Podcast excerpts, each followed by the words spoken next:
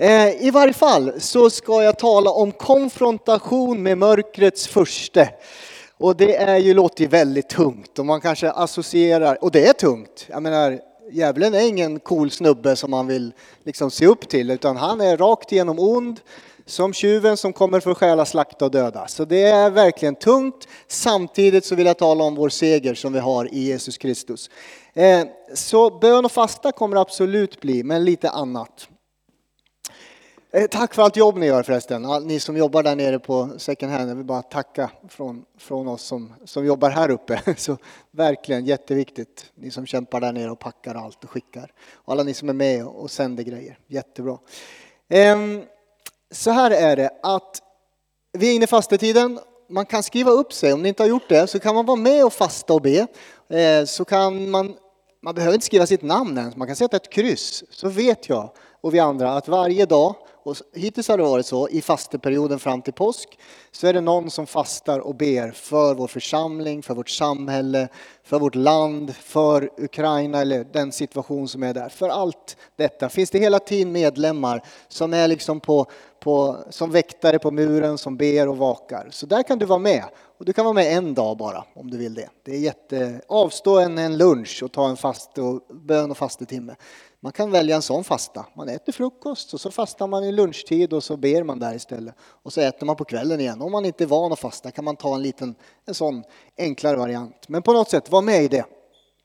Fasteperioden är ju så att vi liksom avstår från saker som Maria sa för att vara tillsammans med Jesus och be för olika och vi gör detta fram, vi fastar inte på söndagar, det är ju uppståndelsedagen, det är glädjens dag och då eh, eh, samlas vi tillsammans inför honom här på gudstjänst istället. Och så väntar vi då på Fastan är ju som ett lidande och en kamp och en prövning. Alla ämnen i fastetiden, om ni följer kyrkoåret, det är liksom trons prövning, det är kampen mot ondskan, det är sådana ämnen hela tiden som dyker upp i den här perioden.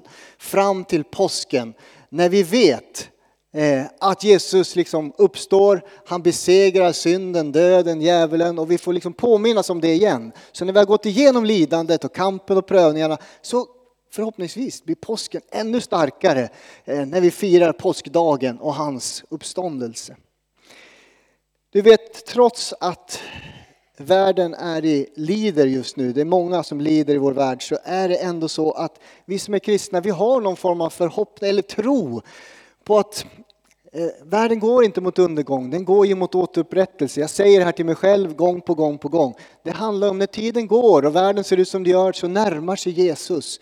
Han kommer komma tillbaks i ett triumferande segertåg kommer han tillbaks och upprättar en ny himmel, en ny jord utan lidande, död, krig, fred. Jag vet att det är jobbigt nu men det är ändå det som är vår liksom som slutmål hela tiden. Att man har det med sig i din fasta och bön så att du inte helt bara går ner dig. Samtidigt som du känner smärtan kan du känna glädje, optimism över framtiden. Det är lite svårt men det är faktiskt möjligt på grund av att Jesus kommer tillbaks. Jag vill att du läser med mig i Bibeln idag. Så fram med biblarna. Eller så säger jag så här, om du vill så får du läsa med mig i Bibeln idag. Det låter kanske trevligare. Eh, ifrån Lukas evangeliet och det handlar om en konfrontation med mörkret mellan Jesus och djävulen. I Lukas fjärde kapitel. Jag kommer att hålla på en stund idag. Så slå er ner och häng med.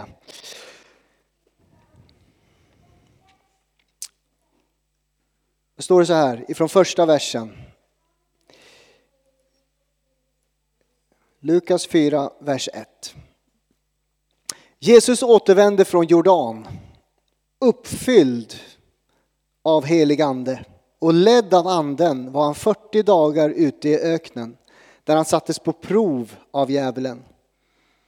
Under hela denna tid åt han ingenting och när den var slut blev han hungrig. Då sa djävulen till honom, om du är Guds son så befall stenen där att bli bröd. Jesus svarade, det står skrivet, människan ska inte leva bara av bröd.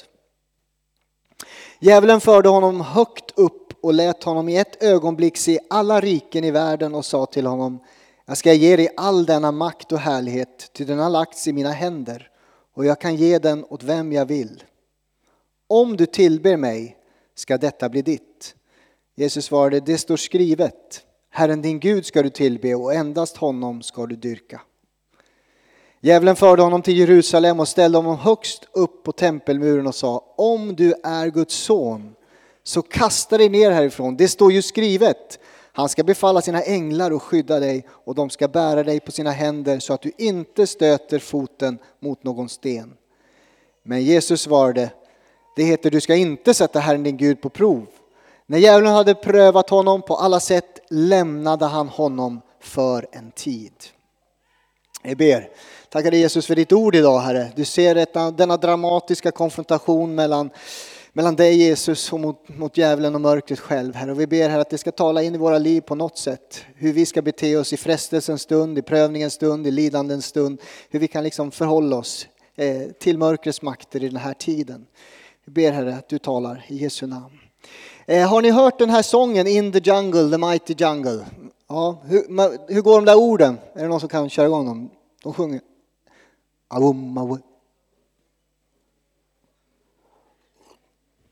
Lite högre kan ni.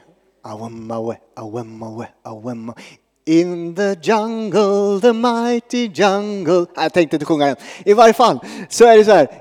Den här, eh, jag bara tänkte på den sången när jag förberedde det här. Varför gjorde jag det? Eh, ni som inte har hört den sången, den är från Lejonkungen och den är egentligen skriven långt tidigare än det. Jag tror den är sydafrikansk till och med. I varje fall på svenska heter den i, i, i Mitt i djungeln, den stora djungeln. Där sover lejonen. Eh, och på engelska säger In the jungle, the mighty jungle, the lion sleeps tonight. Och så kommer nästa vers. Då står det så här. Near the village, the peaceful village, the lion sleeps tonight. Och så när jag hör den här sången så tänker jag på vad händer när, när lejonet inte sover längre? När lejonet vaknar i denna fridfulla by Utanför byn sover lejonet. När lejonet vaknar, då blir det ju som i, i, i Bibeln faktiskt. Jag tror det är Jakobs brev som talar om att vara nyktra och vaksamma i den här tiden. Det talar till oss. Var nyktra och vaksamma för lejonet sover inte längre. Lejonet går omkring som ett rytande lejon och söker efter vem han kan sluka. Djävulen är liksom ofärde, en verklighet i våran värld. Eh, just nu eller faktiskt för några veckor sedan innan kriget bröt ut så var det en liten debatt på Facebook. Eh, jag och pastorskollegor, vi skrev lite, eller jag skriver inte, jag är en tyst läsare vad som ni vet. Jag är jättedålig på att skriva på, på sådana där eh, trådar, men jag följde trådarna. Eh, jag ber om ursäkt, jag kanske borde ge mig in i det, men jag har inte gjort det.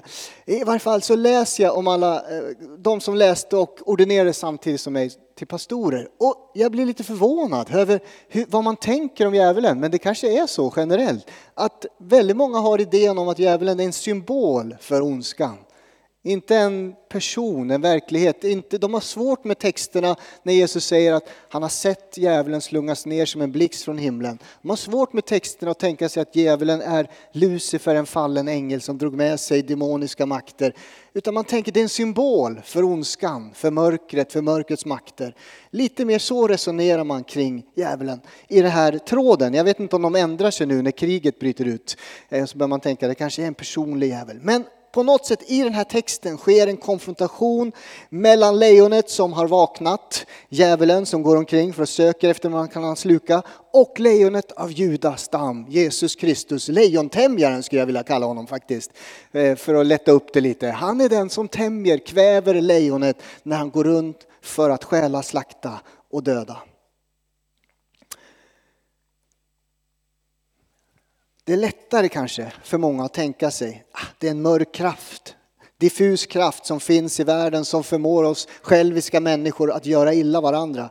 Eh, skulle man skicka ut en enkät till er här så skulle jag säkert få massa eh, spännande svar. Och ni är liksom födda på nytt, ni tror på Bibeln, men just när det gäller ondskan och djävulen så har man nog väldigt olika bild av ah, kan det verkligen finnas en personlig, en person, Lucifer som har fallit och dragit med sig demoniska makter som vi hörde Maria läsa om? Kan det verkligen finnas en sån? Ja, tydligen möter Jesus eh, honom i texten här. Sen finns det ju andra som säger att det här är också bara en bild, symbolik och bildspråk, det är inte på riktigt. Jag tror på Bibeln. Jag tror att det som står där eh, är sant. Jag tror det Jesus säger, det menar han. Och han säger bara det han menar och det som händer, det har hänt. Eh, jag försöker ha en sån enkel bibelsyn, att det faktiskt har hänt. Och då betyder det att Jesus möter djävulen där i fysisk form. Det händer någonting. Han konfronteras med mörkrets furste i kapitel 4. Jag ska säga så här, djävulen är listig. Han, som jag sa i början, han är inte en cool snubbe. Jag hörde en satanist som sa det. Jag gillar djävulen för han är en cool snubbe som jag följer. Han låter mig göra vad jag vill. Gud, han har massa krav och regler hur vi ska leva. Djävulen låter mig göra hur jag, leva hur jag vill. Alltså i ren själviskhet. Djävulen är inte en cool snubbe. Han är listig. Han är eh, ondskan själv. Han har en taktik och han frestar både dig och mig och Jesus i den här texten. När du är som mest sårbar och utsatt, då kommer djävulens attacker in i ditt liv. Men också när du är på topp faktiskt. När det aldrig har varit bättre så kommer djävulen och attackerar. Det är just det som händer i den här texten. Det står så här. Jesus återvänder från Jordan, uppfylld av helig ande, ledd av anden. Alltså det här låter ju underbart, det är precis det vi vill.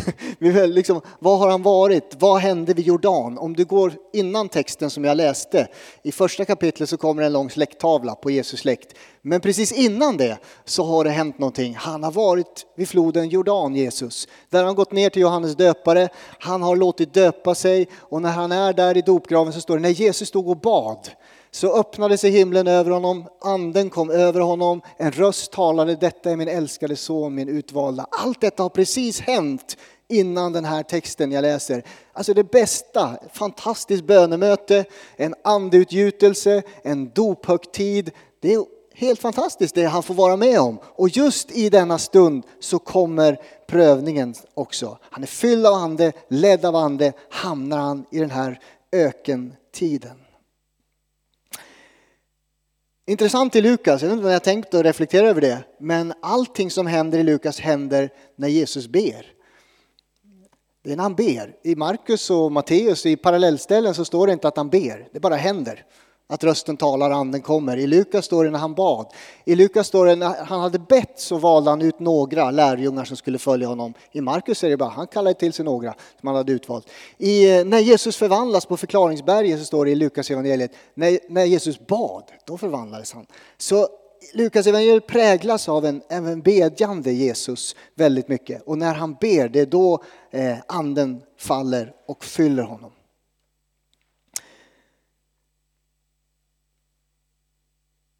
Varje gång, tänker jag, när Gud gör någonting nytt, förnyar dig. På något sätt, rör vi dig på nytt. I en gudstjänst, i en samling, får en liksom, ah, Guds ande kommer över dig på nytt. Kan du vara beredd på någon form av attack, frestelse, djävulen är där och vill stjäla, slakta, döda, ta bort allt det som Gud gör som är gott i ditt liv. Och då kan man tänka så här, ah, ska man inte hålla sig nära Jesus då? Är det bättre att hålla sig långt borta? Nej, det är självklart inte bättre. Det är bättre att alltid hålla sig nära Jesus, därför att han som bor i dig, står det, är större än den onde i den här världen.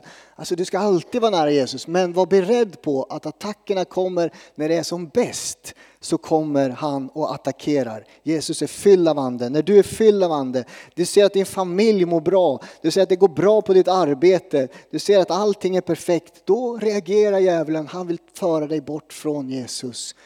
Det är då det händer saker, väldigt ofta. Alltså jag har sagt det här förut, men när jag blev frälst, jag hade en underbar natt när jag åkte hem från Öland i bilen och var glad och sjöng och var lycklig. Och dagen efter så mådde jag sämre än någonsin. Det var inte så roligt att komma hem och vara frälst. Jag var helt ensam där i Valla utanför Katrineholm och jag hade inga kristna vänner och jag undrade vad har jag gjort? Hur, vad ska jag säga till fotbollslaget? Vad ska jag säga till mina kompisar? Vad ska jag säga till alla mina, i min familj som inte tror? Det var en otrolig eh, fördömelse jag kände över att jag hade blivit frälst. Sen ganska snabbt så dök det upp lite kristna vänner, faktiskt samma vecka. Så träffade jag kristna mm, personer eh, på skolan och lite överallt och som hjälpte mig och vägledde mig där i, i den kristna tron. Men frälsningen var fantastisk, men dagarna efter var bland de värsta. Alltså reaktionen kom direkt, kommer för att stjäla det goda som hade drabbat mitt liv. Jesus, han var på topp, han var redo. Han leddes in i, i öknen, in i ökentiden. Där fastade han och bad. Han var med sin fader i himlen. Han förberedde sig för det uppdrag han skulle utföra genom att offra sig själv på korset och för oss. Och mitt i denna förberedelse så attackerar djävulen honom. Jag tänker, har du märkt det någon gång när du har bestämt nu ska jag ha tid med Gud. Nu ska jag ta mig tid här. Familjen är borta eller allt är lugnt då börjar massa konstiga tankar komma. Jag kommer på saker jag ska göra som, som jag inte har tänkt på på länge, men nu kan jag passa på. Eller då börjar jag eh, liksom hålla på med annat, fast jag har sagt att jag ska ta tid med Jesus. Så dyker det upp så mycket annat. Djävulen vill aldrig att du ska närma dig Jesus helt enkelt och ta tid med honom. Eller man har varit på en fantastisk gudstjänst och på måndag morgon är allting bara som bortfluget. Vad tog det vägen? Någon har varit där och liksom tagit det från dig. Eller det har varit fantastiskt och så när jag kommer hem så, jag har ju ändå fyra ungar, det händer ju grejer. Och så är det världens eh, kalabalik hemma och allting bara nästan försvinner. Nej, jag måste stå över det här. Gud har varit så god mot mig idag, jag kan inte liksom, låta det här något... Eh, ja, så försöker jag liksom lyfta mig över det där dåliga som händer hemma med barnen. De bråkar inte alltid, verkligen inte. Eh, tror inte det. Men ibland. En, en tid i mitt liv så kan jag säga att söndag morgon, det var den värsta stunden för en pastor. Jag vet, det finns fler pastorer här. Jag vet inte hur det var för Ragnar när han, han var pastor. Var barnen snällast på söndag morgon? Eh, alltså det var, ibland är det en så otrolig kamp på morgonen. Det kanske det är för er ändå, att bara ta er hit. Jag tänker så här, det finns, någon, finns en motståndare hela tiden eh, som inte vill att du ska vara här just nu kan vara fint väder, kan vara eh, skidor på tv, kan vara något helt annat. Så bara, nej, kanske inte ska vara där. Jo, du ska vara här just nu. Vi går in i fastan i varje fall. Och så står det, jag ska snart komma in, jag sa att jag skulle hålla på ett tag idag. Jag har tre punkter som kommer sen. Varför fastar man i Bibeln funderar jag på. Är det för att tappa vikt eller? Eller är det hungerstrejk? En del hungerstrejkar faktiskt kristna. Det betyder att eh, nu ska jag inte äta någonting Gud förrän du gör som jag säger. Det blir hungerstrejk. Sätter Gud på prov liksom. Jag tänker inte äta, jag tänker inte dricka, jag tänker inte göra, oh, dricka måste vi. Jag tänker inte göra någonting förrän du Gud svarar på min bön. Det är inte därför de fastar i Bibeln. Jag ser olika sorters fasta i Bibeln. En fasta är när någon faktiskt har förlorat någon som man älskar, någon nära och kär har dött. Då står det att de fastade och bad och sörjde den döda. Det var en fasteperiod. Eh, man fastar för personlig omvändelse. Man märker, jag har levt i synd, jag behöver omvända mig. Då valde man en fasteperiod. Man fastar för nationens omvändelse. Man ser att den här nationen är på väg åt fel håll. Israels folk går bort från Gud. Vi behöver ta en fastestund. Och man fastar för att visa Gud, jag är, med, jag är beroende av dig. Jag avstår saker för att göra mig helt beroende av dig. Det finns olika anledningar till varför vi fastar i den här tiden också. Nationen kanske behöver omvändelse. Du kanske behöver en personlig omvändelse. Du behöver göra dig beroende av Gud igen. Därför fastar jag. Eh, vi svenskar, vi tror ju att vi kommer liksom vi kommer svimma om vi inte får våra fika på förmiddagen, om vi inte får våra kakor och bullar och vi får lunch och vi inte får vår eftermiddagsfika och, och frukten här som barnen måste ha. Vi tror att det liksom är kört för oss den dagen. Vi kan inte jobba eller göra någonting. Jo, det kan vi. Det fungerar faktiskt. Att du avstår saker och är i bön. Du kommer att klara dig. Eh, det finns till och med idrottsmän som fastar när de tränar hårt hela dagarna och ändå kan de avstå saker och bara dricka. Eh, och det visar prov på att det, alltså, kroppen eh, klarar av hårda träningspass under en hel fastedag. De fastar inte länge, men på något sätt så händer det något. Det är en annan sorts fasta, men jag menar, du kommer inte bara, äh, jag klarar inte av det. Jo, det går. Avstå saker och visa, jag är beroende av dig Gud. Jesus han fastade och bad i 40 dagar eh, och sen blir han hungrig. Det är bra. Man blir, jag, vet, jag har inte fastat 40 dagar, jag vet, det kommer nog ingen av oss göra, men någonting händer ju fysiskt i vår kropp när vi avstår saker. I början tänker man väldigt mycket på mat och sen övergår det en period där man inte är så hungrig faktiskt och det går bra. Men sen börjar liksom kroppen äta på sig själv på något sätt och till sist så blir den hungrig. Tillba hungern kommer tillbaks. Eh, om det är efter 40 dagar vet jag inte, men det har i varje fall hänt med Jesus här. Och då kommer mörkrets furste, djävulen själv, och frestar honom. Frestelserna är ju på, av den sort, jag vet inte om du tänkte på det när du läste texten, men den, de är ju av den art att det här är ju ingen frestelse för dig och mig. Jag vet inte om du har tänkt på det, men det, ju, det här är ju ingenting som jag blir frestad av. Det står om du är Guds son, befall stenen att bli bröd. Det frestar ju aldrig dig och mig överhuvudtaget. Jag har aldrig funderat på att stenar ska bli bröd. Den andra fästelsen är att eh, om du är Guds son, här är hela världen, du kan få härska över den. Jag har faktiskt aldrig känt behov av att härska och regera hela världen. Det känns oerhört jobbigt.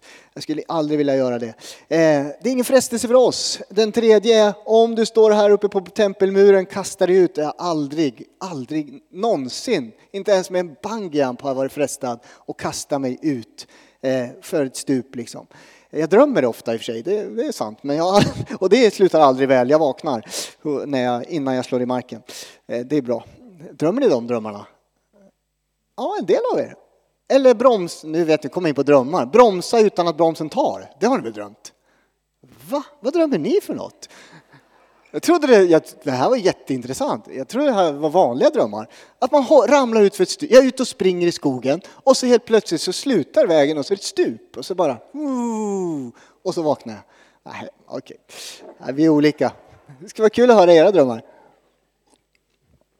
Jag hade en jätterolig dröm i natt, men den får ni prata om med mig på fikat. Ehm, I varje fall, jag fortsätter. Det här är inga frestelser för oss, utan det här är någonting som är för Jesus. De är specifika för honom. Men jag tänker mig ändå att de talar till oss i liksom generella, eh, på, på ett generellt sätt så gäller de oss. Så det är de tre punkterna jag ska ta upp nu. Eh, Jesus, han frestas på sitt sätt, vi frestas i de här. Den första frestelsen handlar om att djävulen vill att vi ska tvivla på att Gud kan möta våra behov och förse oss med sin godhet och sin kärlek. Det är det han försöker få Jesus att, att tvivla på Faderns kärlek. På, tvivla på, på att Fadern kan förse honom och möta hans behov. Det är den första frestelsen. Den andra frestelsen handlar om att tvivla på att Gud har en plan för ditt liv faktiskt. Djävulen har en annan plan för Jesus, men Fadern har en plan för Jesus. Och jag vill hela tiden få oss att tro att Gud har ingen plan för ditt liv. Eller du kan ta en genväg så du slipper den där planen. Det finns genvägar hela tiden. Nej, det finns inga genvägar. Jag ska gå igenom det. Den tredje frestelsen handlar om att inte lita på att Gud kan beskydda dig. Djävulen vill få Jesus att tro att Fadern inte kan beskydda honom. Och på samma sätt är det för oss. Vi vill hela tiden, vi är ju säkerhetstänkare nummer ett i Sverige. Säkerhet, säkerhet, säkerhet. Eh, men vi måste kunna lita på, i den här texten, att faktiskt Gud kan beskydda oss. Han är vår sköld, vår skärm, skärm, vår säkerhet i den här tiden. Så de tre går jag igenom nu. Vers 3 står det så här. Om du är Guds son, alltså punkt 1. Djävulen vill få dig att tvivla på Guds omsorg, godhet och kärlek. Och så säger han så här. Om du är Guds son så befall stenen att bli bröd. Alltså Satan tvivlade aldrig på att Jesus var Guds son egentligen. Det står om här, men det skulle istället kunna stå eftersom att du är Guds son. Vi ser hela tiden i konfrontationen mellan Jesus och demonerna, de tvivlar aldrig på, på hans gudomlighet. Eh, det är bara Jehovas vittnen som gör eller sekulariserade svenskar. Men demoner och eh, djävulen tvivlar aldrig på hans gudomlighet. Så det skulle kunna stått, eftersom att alla fakta pekar på att du är Guds son så förvandla dessa stenar till bröd. Inte ifrågasätta hans identitet, utan ifrågasättande av Faderns, eh, av faderns eh, ord och vad det Fadern hade gjort. Detta är min älskade son, min utvalde, i honom har jag min glädje. Har Fadern talat? Så det djävulen vill få Jesus att förstå är, han ifrågasätter Fadern, hans fader i himlen.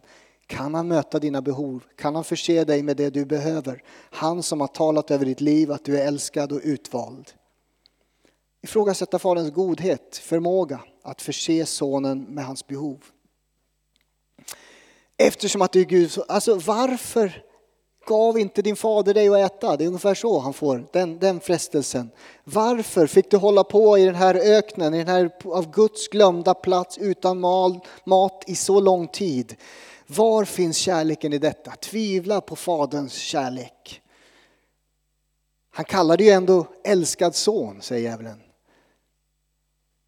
Så djävulen föreslår, ta Jesus av din egen kraft och förse dig med de behov du har, förvandla stenar till bröd. Är ni med?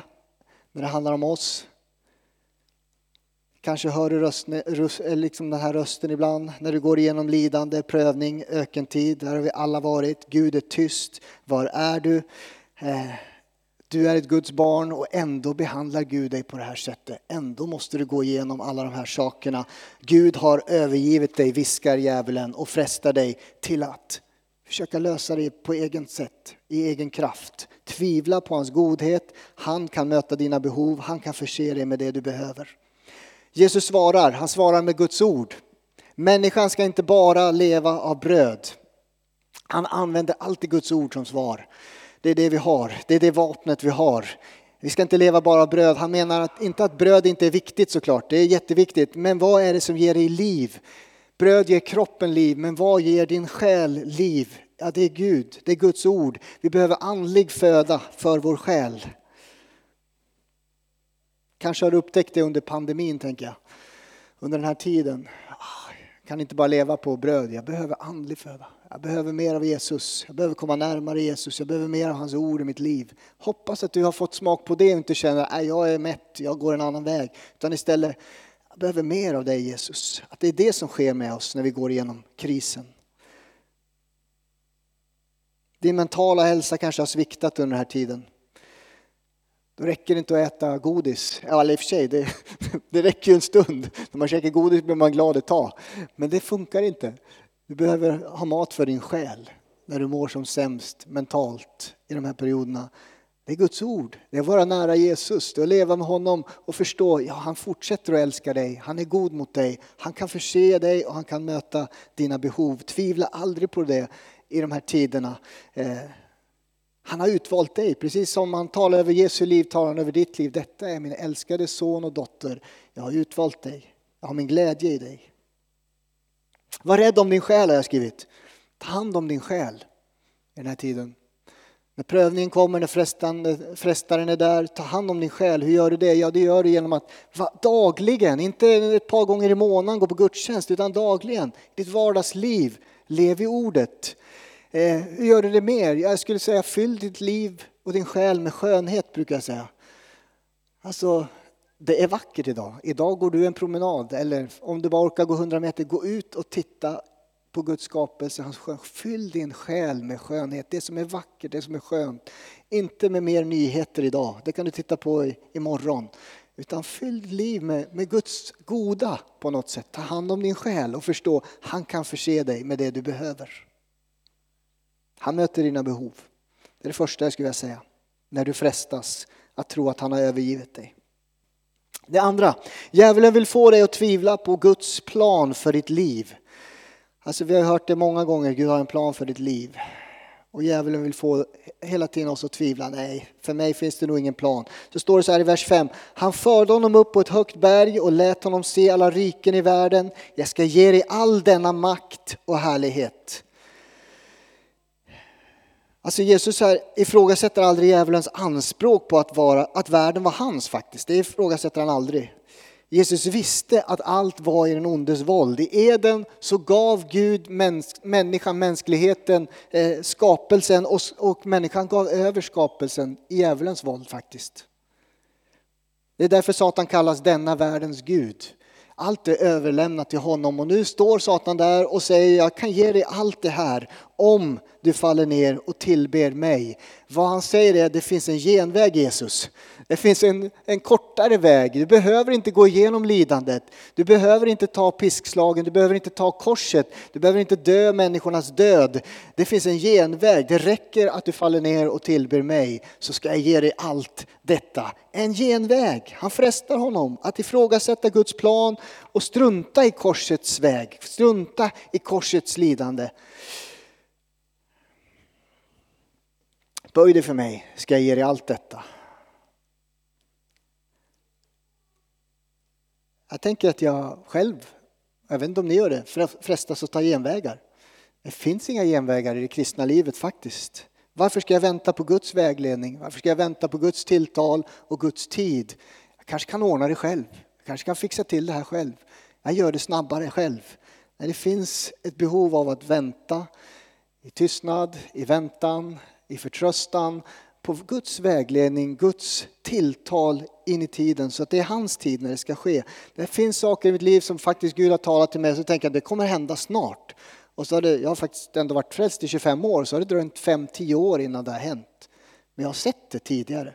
Ibland har det dröjt några månader men jag tror att det är väl direkt nu. Och så har jag fått vänta. Alltså Gud förbereder, talar. Jag skriver ner ganska mycket. Det är därför ni har fått era böcker. Skriv ner det Gud säger i personliga andaktsliv. Och så har ni det. Så kommer ni ihåg det. Ja, men det här sa han ju då, men det har inte hänt än. Och så kan man be och tacka Gud, det kommer att ske. Det han har lovat, det han har sagt, det kommer att ske. Eller så kan man lyssna på frestarens röst. Jag tar en genväg. Jag fixar det här själv, lite snabbare, på något annat sätt. Han frestas att ta en genväg. Varför vill Gud, varför vill den gode fadern att Jesus ska genom lidande och kamp när allting kan få ett slut direkt? Det är djävulen som viskar. Klart vill Gud vill att du ska ha det direkt. Ta genvägen. Jesus svarar en tillgång med Guds ord. Herre, Herren din Gud ska du tillbe, endast honom ska du dyrka. Han säger alltså nej tack. Jag väntar hellre på min faders löfte att de ska gå i uppfyllelse. En dag kommer Jesus regera världen och han har inga avsikter att bli beroende av djävulen när det är dags att regera världen. Han är beroende av sin fader i himlen. På samma sätt kan du inte tjäna flera gudar. Du har bara en enda Gud. Du kan inte tjäna flera gudar. Du kan inte liksom vara beroende både av mörkrets makter och av Jesus. Det finns bara en väg som kristen. Ta ingen genväg. Det finns inga genvägar. Det finns inga genvägar till andlig mognad. Jag har hört eller sett många böner. Gud ge mig tålamod. Nej, men det vet när prövningarna kommer så kommer liksom tålamodet prövas och så växer du i tålamod. Det går liksom inte att be bort nästan.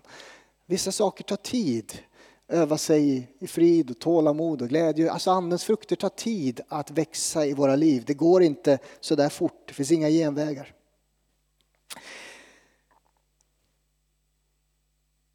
Jesus svarade med en gång, Herren din Gud ska du tillbe och endast honom ska du dyrka, som jag läste. Jag är beroende av Fadern, säger Jesus, inte av dig.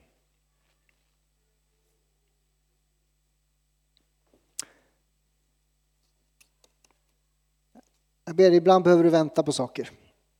Ibland behöver du vänta på Guds tilltal, på Guds tid, på Guds plan. Men tvivla aldrig, Fadern kan leda dig. Det står i Jesaja 55 att hans vägar är högre än våra vägar. Hans tankar för dig är så mycket högre. Vi har små tankar, vi har små vägar. Han har högre tankar för dig.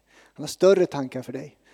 Han har bättre tankar för dig än vad du ens kan be eller tänka, står det i Efesierbrevet. Han förmår göra långt mer än vad vi kan be eller ens tänka. Liksom tänka ut. Om vi väntar på hans tid och hans tilltal. Frestas inte att ta en genväg. Det tredje. Djävulen vill få dig att tvivla på Guds beskydd. En sista frestelsen. Om du är Guds son, eftersom att du är Guds son, kasta dig ner härifrån, säger han. Han står på muren på templet, jag har aldrig varit där, borde väl åka dit och titta. Eh, jag antar att det är högt. Det, det är liksom, han står högt där uppe, kastar dig ner härifrån. Och den här gången så ändrar djävulen taktik, han har alltid en taktik. Han byter taktik, han använder också Guds ord. Han citerar ordet, han citerar psalm 91, en fantastisk psalm om hur Gud beskyddar oss. Den börjar så här, den som bor i den högstes beskydd och lever under en Väldiges skugga. Han säger, i Herren är min tillflykt och min borg, min Gud som jag förtröstar på. En psalm som du, den ska du memorera och lära dig utan till och ha med dig. Den handlar om Guds beskydd hela tiden. Det är den psalmen som djävulen börjar citera. Men han rycker orden ur sitt sammanhang. Precis som en sektledare gör. Rycker dem ur ett sammanhang och säger att Bibeln kan, det gör man faktiskt i sekter. Man tar bibelordet och så säger man det kan betyda vad som helst egentligen. Man vrider och vänder lite på det och berättar lite häftiga historier om det och sen betyder det något helt annat. Och så har man skapat sig en sekt och så har man en irrlära. Ganska enkelt och det är precis det som djävulen gör. Han citerar men han citerar inte klart hela den här löftessalmen. Det står så här. Han ska befalla sina änglar och skydda dig vart du än går. Och så fortsätt, eller innan så står det så här, versen innan så står det så här. För att du har gjort Herren till din tillflykt och ditt värn. Därför att du har gjort Jesus till ditt tillflykt och ditt värn. Därför så kommer han, du leva under hans beskydd. Inte om du följer andra gudar eller andra saker, det finns inga löften om det då, men eftersom att du har står i förbund med levande Gud och har sagt Herren är min tillflykt, inte du djävulen, du är mitt värn. Så, så lever jag under hans beskydd. Djävulen kan ordet. Han rycker delar ur sitt sammanhang. När hela texten handlar om att Guds barn som står i förbund med honom och bara med honom lever efter hans vilja kan vila i hans beskydd. Du kan vila i den här tiden i Guds beskydd och Guds omsorg. Och så använder Jesus ord där han säger du ska inte sätta Herren din Gud på prov.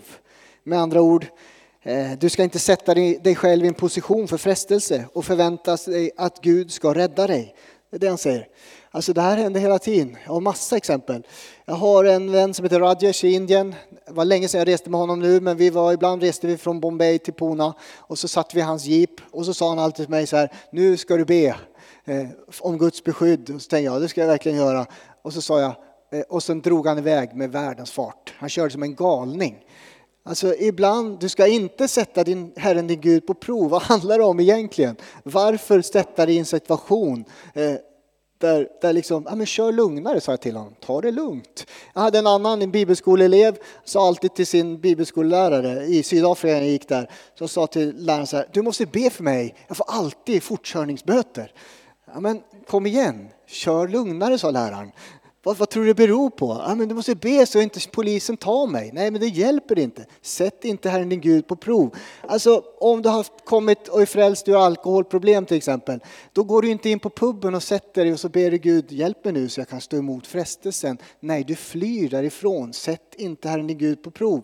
Pastorer, det händer faktiskt ganska mycket det senaste året. Kända pastorer som av någon anledning inte kan låta bli att klämma på kvinnor som inte är deras fruar. Och då tänker jag så här, de har precis precis som Josef i Puttefars hus, två ben. Spring därifrån. Varför sätta eh, både sig själv, utsätta sig för frestelsen på det här sättet. Sätt inte Herren i Gud på prov så djävulen liksom kan få en möjlighet att sänka det. Allt de har byggt upp dessa pastorer, ni kanske inte har läst om dem, de är ju över hela världen, men det är några stycken välkända som av någon anledning har fallit.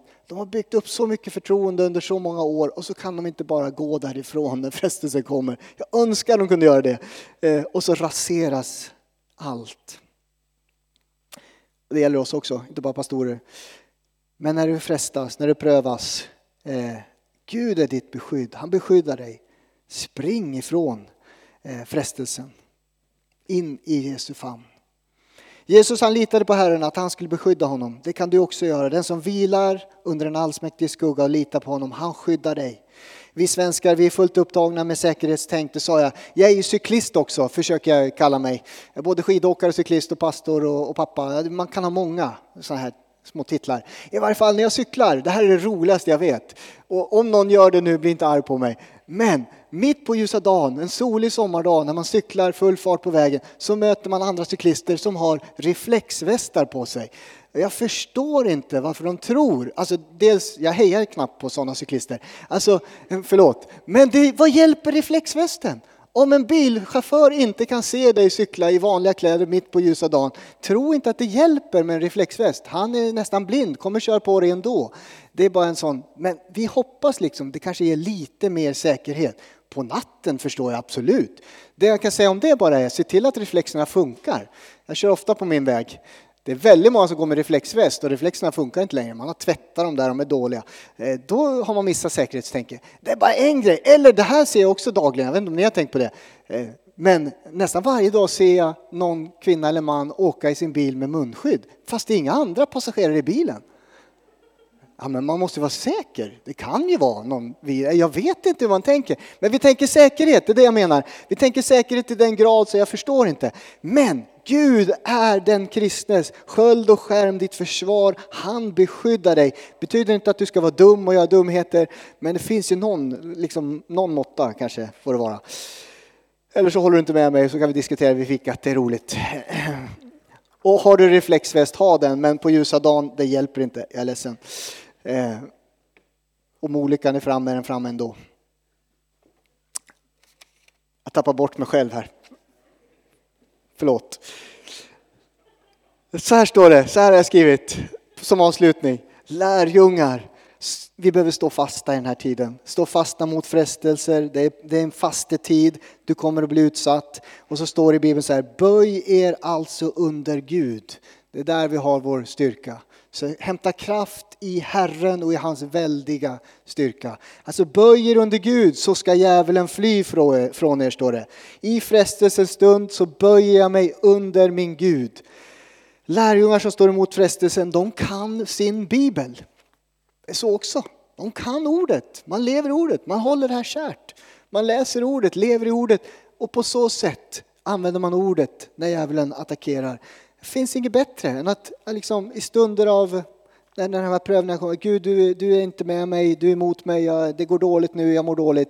Ja, men jag läser ordet och så uppfylls jag av Faderns ord och så mår jag gott i själen igen. På något sätt hela tiden, eller jag frestas eh, att inte tro att Guds plan gäller för mig längre, jag har misslyckats så mycket. Så läser jag ordet, det finns förlåtelse, upprättelse. Gud tar aldrig tillbaka sin kallelse. Och så förstår jag, wow, han kallar mig igen att kliva in. Eller vad som helst, eller jag, jag litar på andra saker för att skydda mitt liv. Och så läser jag om hur Gud beskyddar mig. Alltså, du kan ordet. Stå fast, böj dig under Gud, läs ordet och lev i ordet varje dag. Inte bara ibland, utan varje dag. Lev nära honom. Och sen ledordet närmare Jesus. Det är det jag vill sända med. I frestelsens stund, böj dig under Gud, läs ordet och lev nära Jesus varje dag. Nära vill jag leva, nära dig min Gud. In the jungle sjöng vi, vi ska inte sjunga den igen. Men eh, när lejonet vaknar så vet du vart du ska gå. Till ordet, till Jesus. Eh, när du står i frestelsens stund, spring inte bort från Gud utan in i hans famn. Han beskyddar dig. Han är din seger. Amen.